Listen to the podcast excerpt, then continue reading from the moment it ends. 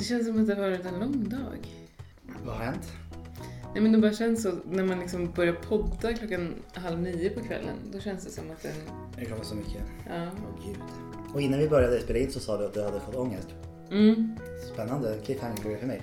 Vi, ska, jag, ska jag ta det nu? Okej, men då får du också gå in, då går vi in på ångestskalan och så tar vi det där. Okej. Eh, men jag har ångest. Men det är en annan ångest än... Det, det är nu den här skalan inte riktigt funkar, tror jag. För att förut på skalan så hade jag kunnat säga att jag hade en femma nu i ångest. För att jag har en femma i ångest, men den är inte... Den är inte mm, i samma kategori som... Det, det är egentligen... Det är inte personlig ångest. Kan man säga så? Den är... Gemensam. ja, den, okej, den handlar inte om eh, samma saker som den har handlat om förut. Den känns inte lika jobbig som den ångesten som jag har haft innan. Men det är fortfarande en ganska hög ångest. Vad är skillnaden? Varför Nu har jag ångest. Jag har mer ångest över ehm, min framtid inom kort vad jag haft, än vad jag haft förut. Förut har jag liksom inte ens brytt mig om tiden. För att jag har liksom inte existerat i tiden. Och nu när jag gör det så har jag fått ångest över att det är en massa saker jag måste fixa nu. Och så får jag liksom, ju varmare det blir och desto mer sol det blir, desto mer ångest får jag. För att tiden går. Och det är så ett väldigt starkt tecken på att tiden går. Hörde om det. Ja. Nyligen. Ja, ja, Känslan av att tiden går. Mm. Men, men skillnaden nu är väl att jag känner att jag kan göra någonting åt min ångest. Så att jag kan så här definiera den. Bara okej, jag har ångest för att jag inte vet vad som kommer hända om en månad när jag slutar skolan. Eh, och då kan jag ju faktiskt så här, ja, hur ska jag lösa det då? Eh, Men just nu är väl den här ovissheten det som ger mig ångest. Plus att jag har inte haft så mycket att göra på min praktik de senaste dagarna. Mm. Dels för att det har ju varit halvveckor nu, så att det är ju svårt att få tag på folk typ. Mm. Och det tycker jag är jättejobbigt, för att då känner jag så här som att tiden går och jag har ingenting gjort. Men det här har vi inte pratat så mycket om. Men, eller det kanske vi har, men jag har glömt det i så fall. Hur känns det när, när du har ångest? Hur, hur vet du att, du att du har ångest? Och, att, och ingenting annat? Det är en svår fråga. Jag vet faktiskt inte. Vad, vad känner man? Jag vet inte. Det känns... ehm, det beror väl på vilken typ av ångest det är. Men nu har jag ju haft... Jag hade ju också existentiell ångest Mm. förra veckan. Eh, och den kändes ju som bara så en total menings, meningslöshet med livet. Och att jag inte, även fast jag nu mår bra så vet jag inte varför jag gör det jag gör. Och jag vet inte hur jag ska motivera mig för att liksom fortsätta med någonting. Och det känns väl som en extrem tomhet från varo. Bortkopplad från liksom eh, känslor på något vis. Att inte ha ett sammanhang som påverkar en på något vis. Just i det, i den, i det ångeststadiet. Fattar man någonting? Sen så kan ju, om jag har panikångest så är det ju en väldigt fysisk upplevelse. Mm. Då tror jag ju att jag ska dö. Mm. Det känns verkligen som att det här är mitt sista andetag. Ja, det låter ju vidrigt. Det är vidrigt. Hur känns det för dig? Ångesten, Mm. eh, det, det är såklart också olika beroende på vad det är för ångest. Jag har ju också gått med den här existentiella ångesten. Den har vi synkat ihop. Ja, jag Alltså- funderade på om du smittade mig med Ja, jag den. gav dig den. Jag tror, det var jag som började i alla fall prata om den. Ja. Att jag, ja men det här meningslösa. Att det är meningslöst. Mm. Och där har jag varit med en så här uppgivenhet och någon slags ointresse för allting. Som jag, för jag, inte, jag har inte så här mått dåligt av det för att jag inte brytt mig om den. Alltså det, det har ju också gjort att jag inte bryr mig om det. Så på det sättet har det varit skönt. Och jag pratade också om, med min psykolog om det där. Att jag, hade, att jag var glad att jag hade den. För att då blev saker mycket mindre viktiga. Som jag tidigare hade stört mig på var för viktiga på något sätt. Men eh, så det är den ångesten. Den andra mera är en, är en kä- stresskänsla. Och jag kan ibland till och med upp- uppleva att det, att, att det pirrar i bröstet på mig. en, en stress. Kroppen känner stress. Mm. Och det, den är ganska fysisk så den, det, det kan jag ganska lätt identifiera. Vad har du för ångestnivå nu? Den har, den har faktiskt sjunkit. Den har ju varit rätt hög. Och nu är det kanske, just idag har det varit runt fyra. Nere på fyra, men runt fem generellt. Eller sex. Alltså den har liksom sjunkit. Och det där vet jag inte heller vad det beror på. Det stressar mig också. Att jag bara så jag åker hit och dit utan att få, få något fatt på så här, ja det är därför och därför. Men jag tror den existentiella ångesten har hjälpt mig. För att då kan jag vara så här, ja det är så här, jag bryr mig inte. Men och då den, sjunker ångesten, den Ja. andra ångesten sjunker. Det är som en slags två termometrar bredvid varandra som liksom sjunker och påverkar varandra. ja. Sjunker och stiger. Men jag kan förstå det för den existentiella ångesten hjälpte mig också. Alltså jag var utslagen dagen för den var som värst på fredagen så jag var lite utslagen på lördagen. Mm. Och sen på söndagen så bara brydde jag mig inte längre och då fick jag jättemycket gjort för att jag bara så här, ti- jag skiter i tiden. Nu det bara gör jag saker här som jag känner för. Jag har ju till exempel börjat öva tanken på vad, hur skulle det vara om jag sa upp mig. Mm. Eftersom jobbet har varit en sån grej som säger jag bryr mig inte om jobbet. Så varför ska jag gå till jobbet? Eller varför ska jag ha ett jobb jag inte bryr mig om? Eller så här, okej men vad ska jag göra för att bry mig om jobbet då? Det, det känns som det antingen måste jag sluta eller så måste jag börja bry mig om jobbet. Så då har jag också börjat liksom känna kontroll över den situationen mer. Vilket också hjälpt. Så där är min liksom nivå. Mm. Mm. Men jag känner på mig att den kommer stiga. så det känns som att jag är ner, ner, den är- en dalat liksom. Ja. Tillfälligt. Så jag är lite beredd på att den kommer liksom stiga igen. Mm. Det känns lite som, som när jag, att, att jag har varit sjuk i två veckor och när jag blivit frisk. Och den känslan av efter att ha varit sjuk och bara så här, typ gå ut första gången och känna så här, jag mår inte dåligt. Så känner jag lite mentalt. Även fast jag fortfarande har ångest men den är avsevärt lägre. Jag har också börjat närma mig det vi ska prata om idag. Sårbarhet. Alltså jag har börjat integrera det, det i, mig, i mig själv. På något sätt. Eller vara så här, närma mig sårbarhet. Hur, har du, hur vet du det? Jag har ju tidigare varit så här, jag ska vara besvärlig. Ja. Och så har jag kunnat landa i den känslan eller känna ett lugn i så här, oj nu kanske jag är jobbig här. Kanske jag tidigare sagt, tänkt, tänkt för mig själv. Och så har jag undvikit att göra det. Och nu tänker jag, men vad bra, det är det jag ska vara. Så blir det ett, liksom, ger det mig bränsle i att orka utmana mig själv. Det har jag så, och, och så börjar jag göra med sårbarheten också. Att jag säger, okej nu gör jag någonting som, nu blottar jag mig själv. Eller nu liksom, nu, nu kan jag bli, bli sårad av det här. Eller, eller vad man ska säga. Och så kan jag tänka, men det är ju jättebra. Jag ska ju vara sårbar.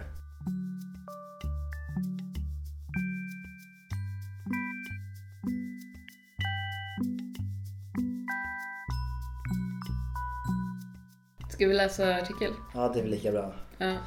Som traditionen bjuder glömt att leta upp. En så, sårbarhet. Tror du det finns en artikel om det? ja, det borde det finnas. I alla fall en förklaring på något vis. Ja, förra gången fick vi gå till ord- ordlistan. Ja. Synonymerna. Synonymer dyker upp här igen.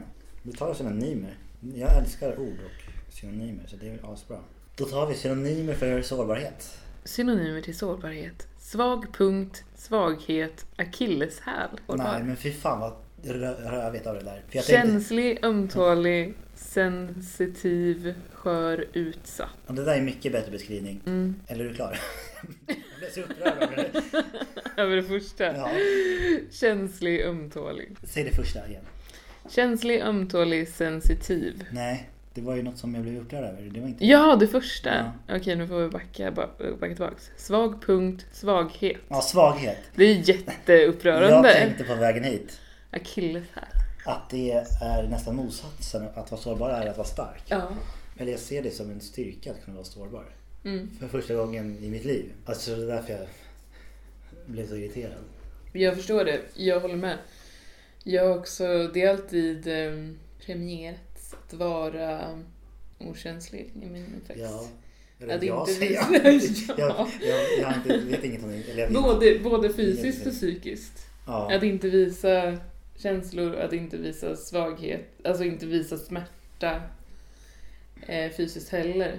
Men hur, hur, hur då? då? Ja men typ, ja men tåla mycket liksom. Om man inte ska tåla lite slag liksom. Jag tror att jag tog, tog den till en annan nivå när jag var liten. Det var sådär att jag inte sa till när jag hade öroninflammation för att jag liksom försökte vara stark. Så jag lät eh, trumhinnan spricka, eh, vilket gör jätteont. Ja. Um, mycket sådana saker, liksom, att man inte skulle inte gnälla över små saker. Det, alltså, det har ju lett till att jag åkte ju inte till sjukhuset när jag bröt lillfingret för att jag tänkte att det är bara ett lillfinger. Har det varit så med den, med, med den mentala hälsan också?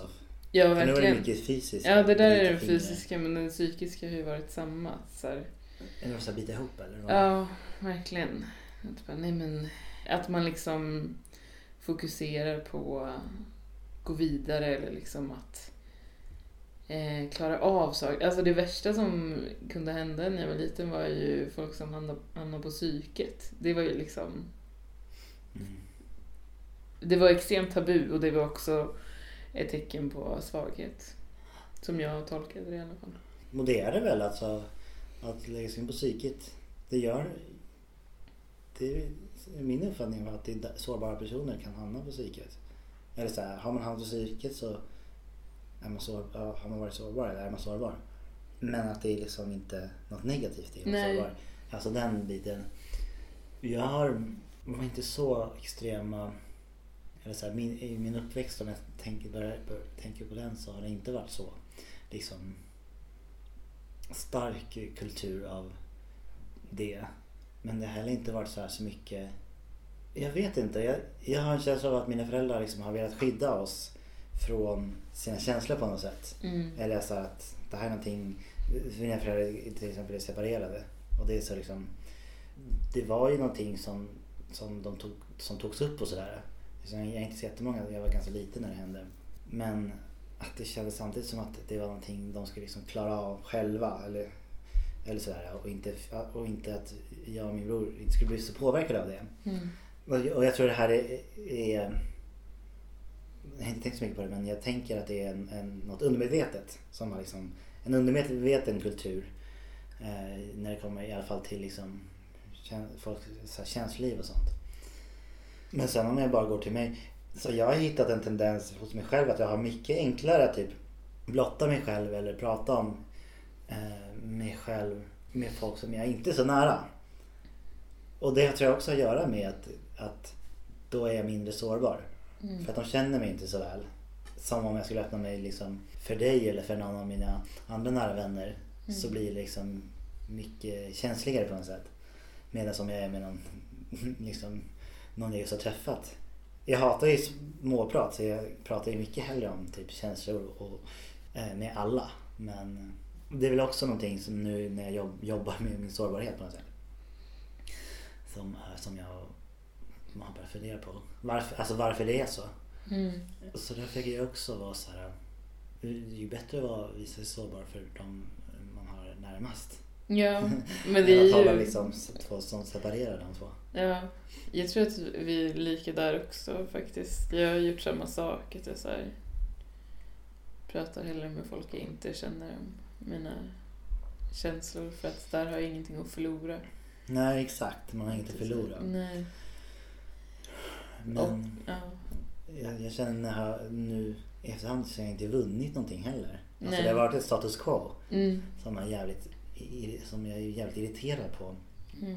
mitt eget beteende då. Ja men till exempel nu när vi på min inflyttningsfest. Det är också ett sätt. eh, Det känns också som att bjuda in massa människor till sitt hem är att, har varit för mig ett sätt att eller det gör att jag känner mig sårbar. För att jag utsätter mig också för att folk kan neka och avvisa mig. Och det har jag ju otroligt... Det är något av det värsta jag vet. Eller den känslan av att vara avvisad. Mm. Vilket gör att jag hellre undviker att bjuda, bjuda in och är själv. Eller i alla fall har det varit så. För att jag vill inte bli sårad, jag vill inte bli avvisad.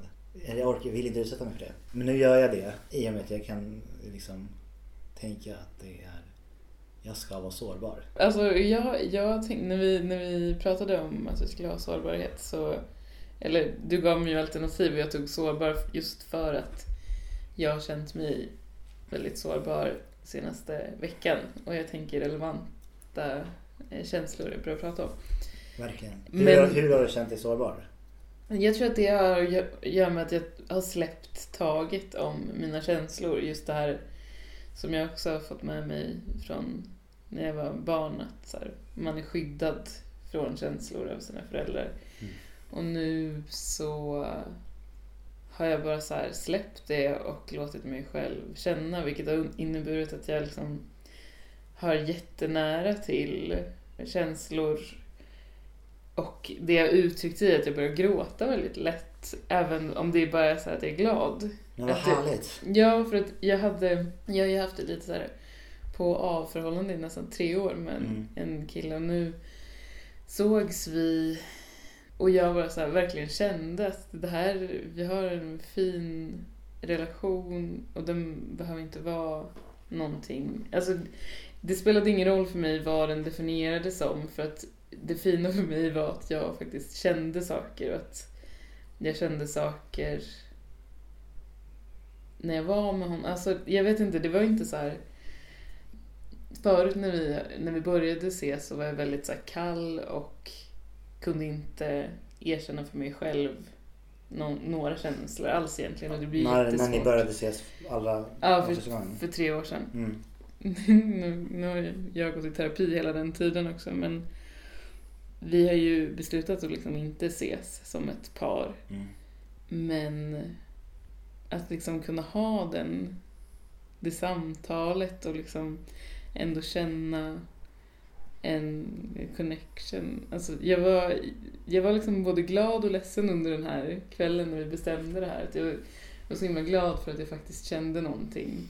Och sen så blev jag ledsen för att så här, vi skulle inte ha en relation. Men sen så vart jag ändå så här. Jag vet inte, det var, det var jättemycket och det låg så nära. Och idag när jag var hos min terapeut så var det samma sak för att vi tog upp typ så här, ja men hon brukar ofta ta upp vad de där samtalen betyder för mig och jag har aldrig kunnat så här, säga någonting om det egentligen för jag bara säger jag vet inte vad de betyder, jag känner mig så här eh, lost där också men idag så var det så här så frågade hon också så här, men vad, vad, vad tror du att de här samtalen betyder för dig? Vad har de för plats i ditt liv? Och jag var så här, det här är ju faktiskt bland det viktigaste jag har i min tillvaro. Eh, och då kom också så här tårarna och på något vis så känner man då att det är... terapeuten menar? Ja, Mm. precis. Och då känner man att det är på riktigt. Att jag så verkligen menar det jag säger. När så här, inte kan hålla tillbaks eh, mina tårar för att här, det är verkligen viktigt. Men gråter du, har du gråtit mycket hos din terapeut? Nej, ingen, nästan inte alls. Nej, jag har aldrig, jag har aldrig gråtit. Och det var inte så här att jag stod där, men jag så här kände att det på man att komma. rör. Nej, jag, eh, Mm. jag kan, jag kan ha väldigt lätt, jag blir väldigt lätt rörd. Alltså jag blir- får väldigt, väldigt lätt tårar i ögonen. Mm. Så det kan vara för att jag, alltså det kan vara att jag äter någonting väldigt gott. Det känns ju ändå som att vara nära Ja, jo, känslor. men jag, då känner jag mig väldigt närvarande. Mm. Ehm, nej men det är konstigt eh, för att alltså, det är ganska... Jag blir väldigt, väldigt berörd av, av det vi pratar om hos, min terapeut oftast. Mm. Men det är på något sätt som någon slags saklighet i, i rummet. Som gör att det blir liksom... Jag vet inte. Det finns en koncentration där. Som gör att jag typ inte, än i alla fall, har brustit ut i gråt. Mm. Eller någonting. Men det kopplar inte du till din sårbarhet eller? Nej men det är lite konstigt för på ett sätt så, så, så, så kanske jag också är rädd för att visa mig sårbar för min terapeut. Det är jag också. Men varför gör man det? Man går väl dit för att vara sårbar. Men jag gillar inte... Ja, nej men det är sant. Jag blev jätte... Jag blev nästan arg idag när hon tog upp det där för att jag har ju haft den här existentiella ångesten och hon bara såhär, men vad vill du? Eh, har du någon liksom tanke om vad du vill? I framtiden? Alltså vart vill du bo? Och vad vill, vill du typ ha familj? Mm. Och jag blev liksom provocerad av när hon frågade så om jag ville ha familj för att det kändes så som ett känsligt ämne. Mhm. Och jag vill inte erkänna det för henne om jag ville ha det för det är en sak man kan misslyckas med typ. Ja. Sen så vet jag inte om jag vill det men jag blev liksom nästan arg för att hon ens frågade. Hmm. Och där tror jag att det ligger mycket sårbarhet också där. Att så här, erkänna att man vill ha någonting som man kanske faktiskt inte kommer uppnå. Eh, att gå typ genom livet utan att eh, få någonting som man verkligen vill ha. Att våga yttra det, det är ju att visa sig sårbar. Vill du ha lite rödvin? Ja, faktiskt. Bra.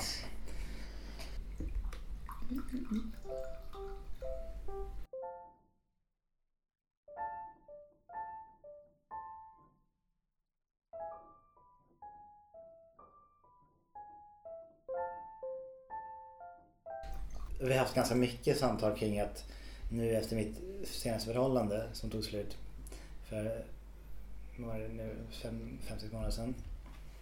Eller tog slut, ja, nu gjorde det. Har jag varit så här, jag vill inte gå in i ett nytt förhållande. Jag vill vara um, Alltså jag vill vara min egen, jag vill hitta en egen tillvaro innan det. Och så, och så har jag, väldigt, jag har haft väldigt rationella argument. Men kanske också börjar inse att det kanske också har med sårbarhet att göra. För att, för att den är sårbar i en relation. Det är ju verkligen så här. Jag vet inte. Så nu vet jag inte vad jag vill. Eller så här, jag vet inte. Jag vill ju liksom hitta en grund som är min. Som inte... Samtidigt har hon sagt att hon, där har hon liksom utmanat mig i att så här, men tror du ens att det går att vara helt oberoende av andra? Då, är, då, då måste den ju vara eremit. Liksom. Mm. Så, att, så där har jag också visat att nej, jag vill ju vara med andra människor. Där har jag inte väl typ backat kanske. Men jag, har, jag vill inte liksom bara känna att jag ersätter förhållandet med ett annat för att jag vill fylla någon slags tomrum. Utan mm. jag vill liksom själv jag vill fylla upp det tomrummet själv. Och därifrån hitta en, hitta en relation, det vet jag inte om jag vill. Ja, vad, jag, jag, vad jag ville komma till var egentligen, hur ser du på, är du, längtar du efter att vara i en relation eller söker du liksom? Eh, men jag, jag är lite samma som du är fast ett, eh, från ett annat håll tror jag. För att jag, eh, jag har ju alltid sökt efter ett förhållande för att jag tänker så att det kommer få mig att må bra. Mm. Att så här, nej men eh, om jag skaffar pojkvän så kommer jag må bra. Det är den pusselbiten som saknas. Eller typ om jag flyttar så kommer jag må bra för att det finns en annan plats som är bättre för mig.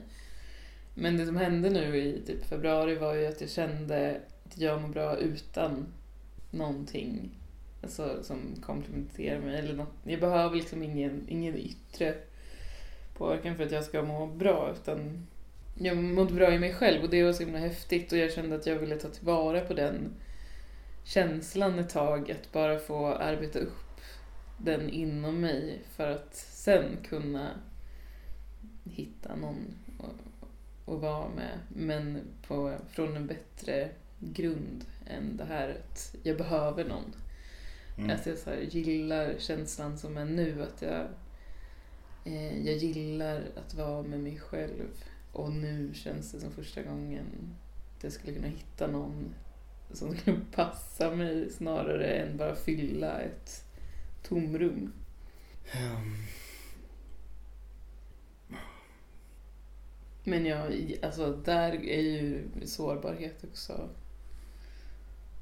ett tema, tänker jag, i att våga hitta någon. Eller du vet, våga ja, ta det, det steget. Liksom typ. Att visa, för mig i alla fall, att visa att jag tycker om någon. Det är liksom, jag blir extremt sårbar av det. Mm.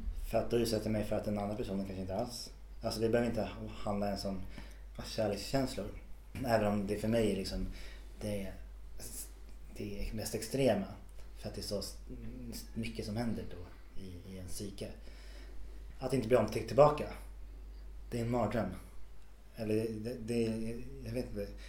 Det är, inte, jag har, det är ingen fobi jag har men det är liksom... Ja. Och det är det där, apropå min, att jag närmar mig sårbarheten, som jag kanske mest, mest av allt prövar. Eller alltså att verkligen visa så här, jag tycker om dig eller så här, det var kul att hänga, bla bla. Jättemycket sån mm. kommunikation. Som jag har varit liksom också ganska så här, tänkt så här, men det fattar, det fattar de, eller det fattar de väl. Det är så mm. mycket så. Eh, Men det, och det, kanske, det kanske någon gör men man kan lika gärna säga det. Mm. Så Min terapeut frågade om, om jag liksom om jag var liksom, vad ska man säga? Eller vad ska sa hon? Men typ så här, försiktig eller så här. Men jag gör ju tvärtom. Jag känner att jag gasar på. Och inte håller tillbaka någonting utan jag bara plöjer fram. Som någon slags eh, ångest låter dumt. Jag tror inte det, hoppas inte det är destruktivt för folk omkring mig. Nej, Jag jag visar uppskattning och sånt. Det är väl jättehärligt. Jag gillar det. Det är ju sånt som får en att eh, gilla människor när de visar uppskattning, tänker jag. Att det Ja, liksom... men, och jag tänker att det har varit ett stort problem i mitt liv.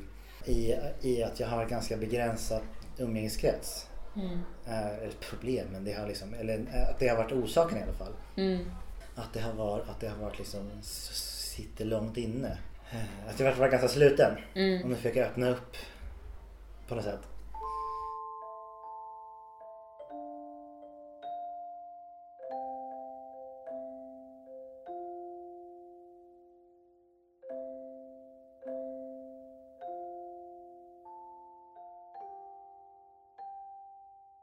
Ju mer sårbar jag är, desto mer får jag tillbaka på något sätt. I Ja. uppskattning eller liksom kärlek eller sådär. En annan aspekt av det där är att, eller som jag tycker är intressant är ma- manlighet och sårbarhet. Jag tänker att det är en sån otroligt stor del i hur skev, hur skev samhället är. Bara, jag bara började fundera det på när jag var på väg hit också. Mm. Eller tidigare idag. Tänker jag har att göra med att, att män inte ska vara sårbara. Och att det skapar så mycket eh, skeva roller. Ja. Och jag känner jag blir typ stressad av att umgås med en person som inte visar sig sårbar. Eller liksom, om menar så här typisk match och sådär. Jag klarar knappt av det liksom. Men eh, jag känner mig macho. Men hur menar du? Men då kan du inte uppleva mig som macho menar jag.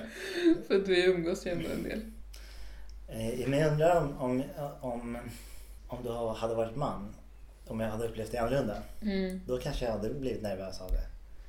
Eh, Jag vet inte. Det är svårt att svara. För, det där, för jag tänker att det där manlighet, att män inte får vara sårbara smittar ju också av sig på, eller har gjort på mig, dels för att, ja, för att jag hade en pappa som var man, ehm, men också för att jag lever i ett patriarkalt samhälle. Mm. Och det är liksom, man ska vara man för att lyckas. Mm. Och då är det ju lätt att anamma det man ser att män gör om man Mm. vill ta sig fram. Mm. Så att jag tror att jag har eh, tagit på mig lite av den machomannen också. Men vad är det då? Har- Men det är det här att inte- Ja, det är det här att inte visa eh, sig sårbar. Att Ja. vara både fysiskt och psykiskt eh, Stark. stark. Inom- Precis. Citattecken. ja, att liksom klara av smärta och klara av påfrestningar och bara så här gå vidare jämt utan att bearbeta något. Ja, det är så... Och sen supa jävligt hårt. Har du gjort det? Ja, gud, jag drack en hel vodkaflaska själv en gång på, på en nyår när jag var liksom extremt eh, sårad. Åh jävlar. För nu, nu dricker jag inte så mycket. Nej, jag dricker nästan inget alls längre. Förutom nu då. Men det är också för att jag har insett att jag har ett val att inte dricka. Förut så var det som att det var så man skulle göra. Mm. Det bara var där. Mm. Eh, och jag tog på mig det som allt annat. Mm. Det, för det var också en sån grej att vara jävligt hård. Ja. Kan man dricka mycket så är man macho. Då, då, det är respekt på något vis. Du har upp i Mariestad. Ja, jag har gjort det. Men, när jag blir så jävla stressad av att vara med människor som inte visar sårbarhet och jag blir så lugn av när jag är med en person som vi- visar sig sårbar. Jag vet inte, jag, jag kan liksom mysa in med den personens liksom, närhet på något sätt. Mm. Jag blir så himla avslappnad av det. Ehm, Ja men det känns på riktigt på något sätt. Det känns som att man delar en tillvaro Mm. på ett annat sätt än när det blir den här fasaden Mm. av att allt är bra, det går bra. Verkligen. Ja. Och jag har tänkt också väldigt mycket på frågan jag får flera gånger om dagen. Hur är läget? Eller hur mår du? ja. Hur jag ska ställa mig där i förhållande till min sårbarhet. Jag vet inte. Hur gör du? Jag brukar ju svara på, eh, vad säger man, automat. Ja. Och bara, det är bra. Men på min, shoutout min nya arbetsplats igen. Eh, där, där har det bara blivit ifrågasatt. Det bara, kan allt alltid vara bra? Det låter inte rimligt. Så då får man liksom, där finns det utrymme att ändra Det är en sitt svar. fråga.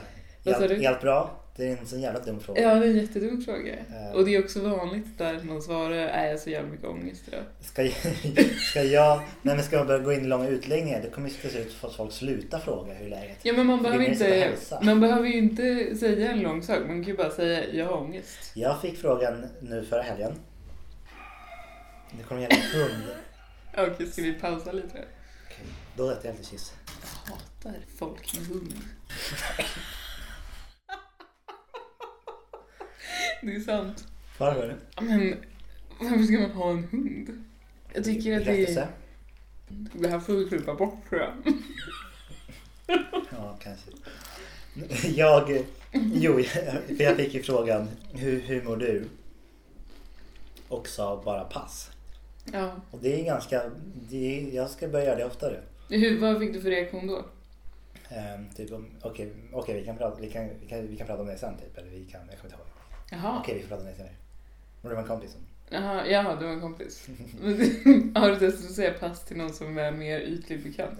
Nej, men jag ska göra det om jag inte orkar fråga. För jag har bestämt mig för att jag ska svara på frågan. Mm. Det blir Men, jättekul. nej, inte or- jag orkar inte alltid det. Men då kan jag säga pass. Pass. Jag fick den i lördags också. Då sa jag det är lördag kväll, jag orkar inte prata om det just nu. Så det kan man också säga. Ja, Nej, jag vill inte förstöra stämningen. ja precis. Ja. Skulle gärna säga, men inte idag alltså. Eller ibland så säger jag bara typ jag kan säga jag har varit och tränat, det var asskönt. Att Ja, man liksom okej. berättar om Mm. någonting som man just har gjort och, och hur det känns just då. Mm. Det ibland kan, nu tycker jag jag har väldigt bra tips på hur man ska svara om man vill ändå inte släta över i sitt mående. Det, det är ju bra. Jag ska börja... Jag säger det alldeles för automatiskt. Att jag inte ens tänker på att någon ställer en fråga. Mm. Så jag kanske, mitt första steg ska vara att eh, höra frågan. Mm. För att jag tänker också egentligen om de inte vill veta hur jag mår, fråga inte då. Liksom. Mm. Jag borde egentligen börja vara jättedeskriptiv i hur jag mår. Kanske kan referera till ångestskalan. Ja, idag är en eh, sjua. För, för att alltså egentligen, när jag frågar också hur mår du, men jag är ganska nyfiken på då. Alltså jag är ju nyfiken på människor. Det är ju mycket roligare när någon säger nej, fan det är inte så bra idag. Ja, för då blir det plötsligt, ah, Ja, då kan man ju det är något du vill fortsätta. prata om. Då har, man ju, Precis. då ska, har ett möte skapats. Ja. En bara, ah, bra, bra. Och så går man och tar kaffe eller vad som helst. Mm. Ja, ja. Var det allt eller? ja, det var väl det. Tips, Det- visa sårbarhet. Mm. Tips, eh, ge oss bra betyg i iTunes-appen. Det funkar ju inte. Alltså, det är Men vad inte... är det för sämst? Ja, jag har fått så många som vill ge oss betyg, men det går inte. Och jag fattar inte var, varför. Ja, men då kan man följa med oss på Instagram åtminstone. Det kan man göra. nu kanske vi kommer ha dubbel eh, terapivecka. Dubbelterapiposter eftersom jag har flyttat till måndag. Då kan Okej, vi köra då både kan måndag och torsdag. Jag får terapi torsdag, du får terapi måndag. Ja. Ja, varför inte? Det har varit ganska bra med, med verktyg för mig för då är jag också tvungen för mig själv att summera lite. Men vad pratar vi om egentligen idag? ja, jag tycker också det. Eh, Ja, ja. Hejdå. Jag, tar, jag tänkte ta lite med. Okej.